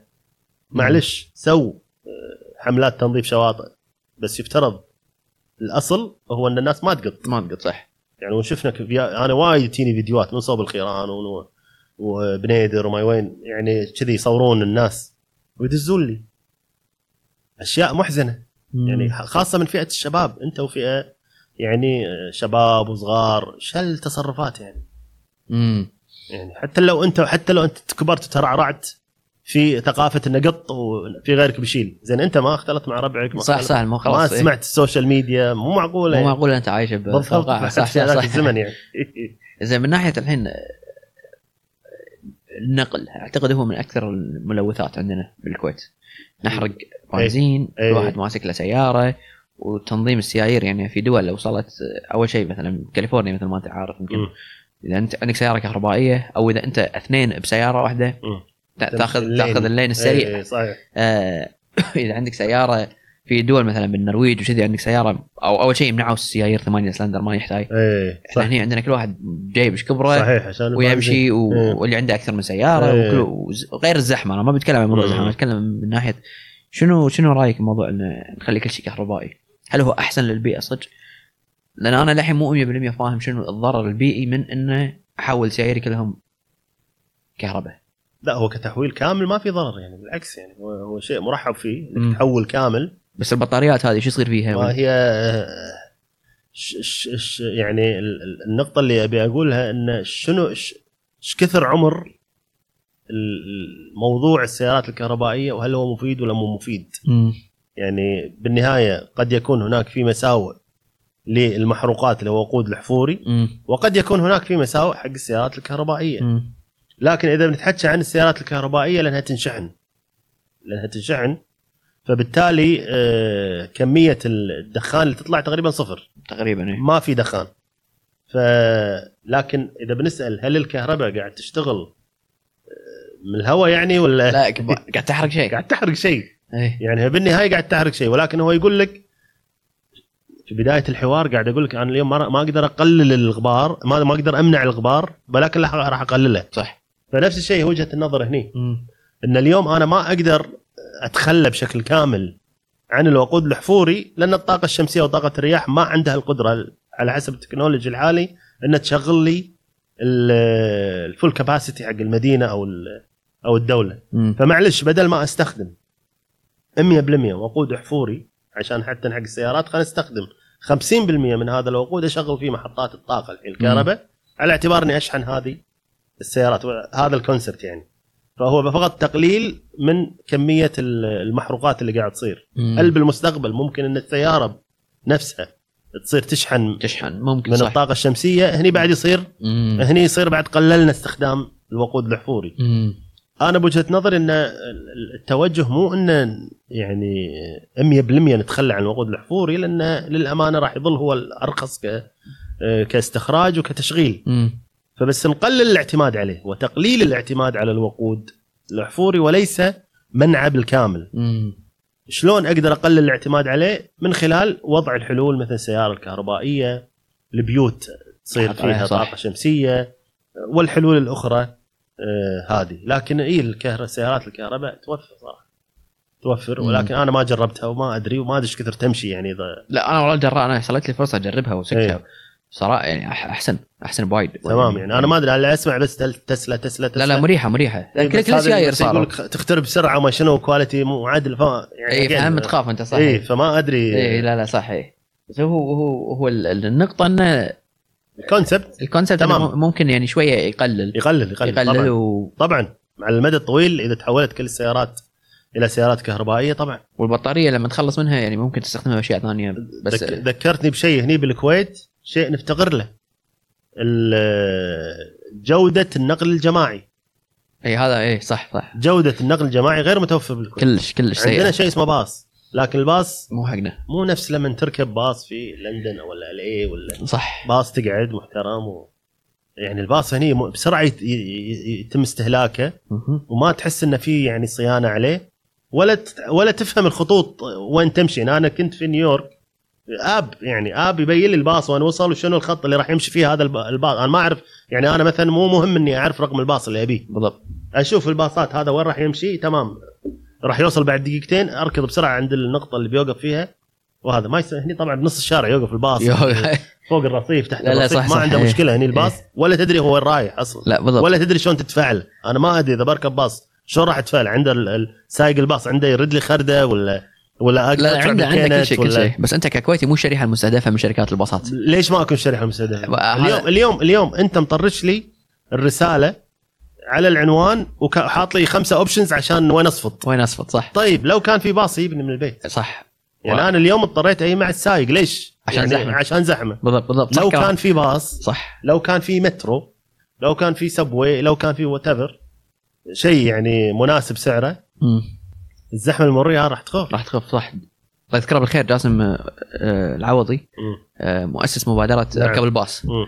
قاعد هني وشرح لي على سالفة الباصات طبعا عندهم خردة عندهم كل شيء ولكن الجودة مثل ما أنت ذكرت إيه. الخطوط ما تخدمك ككويتي تروح مناطق أنت ما تعيش فيها. بالضبط. آه، ما ما في ما في ما في قوانين تحكمهم هم شركات. الشركات راح يحط لك ال line اللي فيه زحمة. بالضبط. انت تركب لي باص مرة بالأسبوع. صح. ما أنا ما ليش أخدمك أنت. ما هي خل ليش ليش ما تتغير سياسة الشركة صح. النقل صح خل تتغير بحيث إنها. تستهدف. تستهدف كم كم كويتي يشتغل في الديرة هنا؟ الكويتيين كلهم يشتغلون مدير بالضبط. إيه. صح. صح ليش ما ليش الباص إحنا بعد طقس نحار. ما يصير الباص يوقف بداية المنطقة. وين؟ لا، لا، بالضبط. امشي مشي لبيتنا وشلون على كلام جاسم بالستينات والسبعينات كان في في محطات داخل يعني كان أيه. يتكلم عن ضاحية عبد الله سالم للحين فيها منطقة. وللحين فيها موقف باص مم. بس ما ي- ما في خدمة. شفت؟ بس موجودة. إيه. اول بالسبعينات كانوا ناس ي- تروح دوامك اركب باصك. إذا أنت تذكر إن بالسبعينات كان عندنا مواصلات أفضل. تذكر إن الوالدة كانت تروح كانت برا، كان كل شيء كان. أفضل. اي شنو اللي قاعد يصير الحين؟ ما يعني إيه. فهي استراتيجي بالنهاية بالضبط. وهي عملية تخطيط. بالضبط. فالمترو أنا كتبت مقال عن موضوع المترو ليش ليش يعت- اعتقدوا إنه هو غير مهم بالفترة الحالية مم. ليش غير مهم ما أدري يعني على أي أساس مهم تم على أي أساس تم تحديد إنه هو مو من الأولويات الحين فخلاص ما. ما أدري ف- هو فهذا اللي نحتاج نعرفه يعني مشروع نفس هذا للأمانة كان اليوم صار موجود عشان أنا جيت لك الحين بكل سلاسة وبكل سهولة اريح من خلال. الباص أريح عشان خلصت خذيت كافيه من تحت ك- ق- قهوه شحلاتها عندكم تحت ناخذ قهوتي أروح بالباص أرد باص، بيتي. صح صح صح, صح, صح. مو عيب لا كلش ما يعرف. إيه يعني لا لا هي تطبق هو تطبق. كنا يعني هو بالعكس هو طريقة شركات النقل بالكويت كنا هم بيقنعونا ترى عيب أنت تركب الباص هو الحين عيب أنا جاسم يركب باص وهو من الأشخاص الكويتيين الوحيدين اللي إيه. يتعامل بالباص. ولما شرح لي يعني مرات ينظر له بنظرة إنه ليش راكب باص ليش غريبة خليه يحط application خلينا نعرف. الباصات وين تبي تروح آه، نروح بالفترة الأولى ممكن نزحف لمحطة الباص بس نشجع إيه. المشروع لا لا هو كله شوف مثل ما أنت قلت وعي زائد incentive. تجمعهم بشكل صحيح مع استراتيجية صحيحة ترى كل شيء. يستوي بروح المطار أنا عمري في نيويورك ولا مرة اخذت سيارة كله ما داعي باص باص إيه. أو قطار تحت إيه. اي ما صح يعني بروح المطار المطار يعني ماكو حد يوديني شنو أسوي؟ أودي سيارتي اصفطها مثلا أسبوع هناك لا الحين إذا أنت ما عندك يا تودي كذي أنك تروح تدق على شركة على شركة تي تجيبني وتاخذ مبلغ وقدره إيه يعني. بالضبط بالضبط إيه. إيه فما اي يعني لا لا ما هو مثل ما انت قلت بس هذه سالفة السماد أنا يعني شوية صدمتني لأن إحنا مثلا أنا أشوف الوالدة إيه. عندنا طبعا آه، فواكه وما إيه. اللي يزيد نقطه مم. نقطه إيه. وبعدين تروح تشتري سماد من المشاتل بالضبط. كيس بلاستيك. بالضبط. زين ليش ما نشتري الماكينة؟ وإحنا نسوي سمادنا بالضبط. حتى حتى لو كانت 50 60 70 دينار اي على فيها المدى الطويل إذا أنت بالضبط. قاعد تستخدم إذا عندك زراعة داخل البيت ممتاز. بالضبط. إيه. فهذا مثال بسيط أعتقد يعني اللهم سالفة وعي. وعي وعي فقط. فقط وعي, وعي. لا أكثر ولا أقل. ونحتاج نشتغل على الوعي مدة طويلة غير متوقفه نفس أنت تقول كان عندك شركة تسويق أو. دعاية وإعلان. اليوم أي مشروع بيلك ما يسوق بشكل دائم ما راح ومتواصل ينجح صح. الناس راح تنساه. صح بما صح. فيها أكبر الشركات الآن. بالضبط بالضبط عطني عطني أكبر شركة قاعد تسوق ميزانيات. أكيد. للتسويق ولا لأنهم يدرون إن ثاني يوم الناس راح تنسى. فراح نظل نوعي نوعي نوعي. وإن شاء الله يعني صوتنا يوصل حق بإذن الله. في أي. مسكونسبشن ثانية عن البيئة تمر عليك؟ بحكم إن أنت يعني قاعد بنص الدائرة مالت البيئة وتشوف طلبة وأنت يعني خبرة بالبيئة.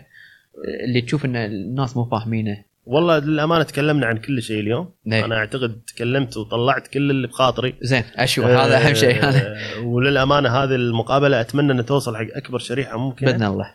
ودنا نسمع رأي الناس. أكيد أنا اليوم أكيد. قلت رايي وتناقشنا صح. وقلنا نقاط. ودنا هذا إذا تطلع المقابلة في انستغرام ولا في أي مكان. في كومنت يصير تحاور صح للأمانة ودي أس أشوف الناس اللي يدعمون الآراء اللي قلتها واللي ضد هذه الآراء. نبي نعرف آه، شنو رأيهم وبالعكس يعني لا، صح،. النقاش هو أهم بالضبط آه، شيء ممكن يوصلنا وبالعكس أنا ودي إن حتى المتخذين القرار يسمعون هذا ال- المقابلة وبالعكس ودنا. نشتغل مع أي احد بحيث إنه نوصل إلى أكبر شريحة ممكنة صح. من ناحية التوعية ومن ناحية البنية التحتية الحقيقية البيئية في الكويت.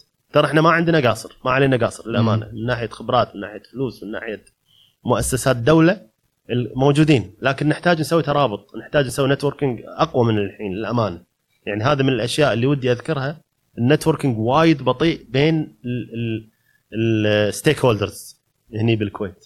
كلش. نحتاج networking أفضل من اللي قاعد يصير الحين. صح. نحتاج تبادل الخبرات نحتاج عمل مشترك. يعني ما يصير كل جهة أنا لا أنا ملاحظ إن كل جهة مناط فيها عمل بيئي بالكويت قاعد تشتغل بروحها وهذا خطأ مو من ضمن ال- ال- ال road map اللي تكلمنا عنها ولا من ضمن الرؤية اللي لازم تنحط. بما فيها الوزارات بما فيها كل شيء صح. فكل الناس قاعد تشتغل بشكل عشوائي. مم. حتى المسكونسبشن اللي بتحكي عنه للأمانة هو العمل التطوعي البيئي. العمل التطوعي البيئي. زين. المبادرات البيئية. قاعد تصير بشكل للأمانة عشوائي من غير هدف. أنا قاعد أتكلم العمل البيئي مهم جدا إنه يكون من ضمن خطة. يفترض برأيي أنا برأيي ودي لو تكون هناك في جهة رسمية مثلا الهيئة العامة للبيئة أو المجلس البلدي أو اي أي مكان يسوون آه، لجنة مختصة باستقبال المبادرات مم. وتنظم من خلال كالندر طول السنة. أنا مثلا أبي أسوي نشاط أو أنا راعي مزرعة بقدم شتلات. صح. أروح حق هذه الجهة. أقول له ترى أنا عندي شتلات ودي أقدمها. متى؟ وين؟ وحق شنو؟ هم عاد يحطون لي الاستراتيجي. شلون شلون الدولة ممكن تستفيد من الشتلات الصغيرة اللي أنا بقدمها؟ أحسن من اني أروح ما أدري بروح. على الخط السريع وأحط تراك وأقول حق الناس تعالوا خذوا شتلات. صح وناس تي راح الناس راح تيجي تاخذ شتلات بس شو راح تسوي فيها؟ مثلا خطة تنظيف البحر خطة الأشياء هذه أنا أقصد ال- المبادرات البسيطة اللي قد تكون متكررة وقد تكون مجهود بلا فائدة أنا أعذرني شوي صريح يعني أو لا لا، صريح أكيد. اليوم في البودكاست لأنه شوي في حرية أكيد. يعني أكيد أكيد أكيد فأنا للأمانة أنا ضد العمل البيئي العشوائي ضد. العمل البيئي المت... البيئي المتكرر اللي من غير هدف ما يصير الجهة الأولى تسوي تنظيف شاطئ تي الجهة الثانية تسوي تنظيف شاطئ تي الجهة الثالثة تسوي تنظيف شاطئ. طيب ليش ما الأولى سوت تنظيف شاطئ؟ الثانية خلي تسوي لها ندوة بمدرسة.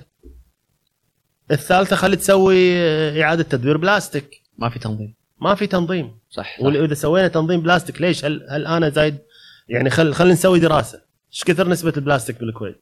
بناء عليه لازم أحط خطة لمعالجه لمعالجة هذه. المشكلة. الخطة قد تكون حملات توعوية حملات تنظيف قد يكون أنشئ مصنعين. أنا محتاج بسبب هذه النسبة المرتفعة مثلا من البلاستيك وغيره. عندي مثلا 20 مصنع آه، آه، إعادة تدوير ورق. خلينا نفرض واحد يقدم على رخصة جديدة يبي. لا. كافي. مختفين صح. إحنا الحين عندنا حاجة لزجاج إعادة تدوير زجاج. يلا تعالوا هذه اشتراطات اللي بيشتغل خليه يشتغل. شوف شلون. system مم. system بما فيه العمل التطوعي لا صحيح لازم communication networking لازم. صح صح لازم. لازم 100% أنا أذكر حتى لما رحنا أمريكا كانوا يحطون مثلا عشان تطوف هالكلاس. لازم تروح تزرع لازم مثلا شفت لازم في شيء يعني بالضبط. يصير فيه ال- بالضبط فأنت كطالب جامعة عليك انه آه، توعية لا بيوعونك أيوه عشان أكون صريح وياك كان أول مرة أزرع بحياتي شفت لما رحت هناك هذا قبل كم سنة؟ هذا تقريبا اول أول سنة جامعة. يعني قبل ست سنين سبع سبع سنين, سنين تقريبا. للحين تتذكرها. للحين أذكرها. بالضبط. بس أنا أنا درست ثانوي متوسط وابتدائي. ما شفت هالشيء. ما شفت هالشيء. فما زين أنا قاعد هني. بالضبط. مرة واحدة كانت تكفي مرة واحدة بس. وروك. شنو يعني زراعة؟ صارت في بالك. الحين لو تشوفها في أي مكان ما راح تستغرب. لا ما راح استغرب كلش. بالضبط. حتى لو أنت ما تمارس زراعة. بس. مو شيء مستغرب لك ولا راح تنقد على واحد يزرع. لأن خلاص أنت شفت هذا الشيء وعايشته وعرفت بالضبط. أهميته. عرفت أهميته. فهني قاعد نتكلم عن دور مجتمع ال- المؤسسات المجتمع المدني والجمعيات في انه أيضا حتى هم هذول لازم يعني يتعاونون ويتشاركون. ما يصير أنا 50 جمعية تسوي نفس النشاط. ما ما قاعد أستفيد. هذا مجهود حرام. مجهود هذه طاقة. الطاقة اللي قاعد تن يعني يعني قاعد تصير في هذا الموقع ممكن أنا أوظفها في مكان ثاني. أكيد أكيد أكيد. ونستفيد منها وهكذا. مم. كفيت اللي و- أنا ودي يعني لا وصلت وصلت إيه. كفيت ووفيت الله يبارك فيك شكرا دكتور ما حاضر. تقصر حاضر. قواك الله ذاتس الشو What's up?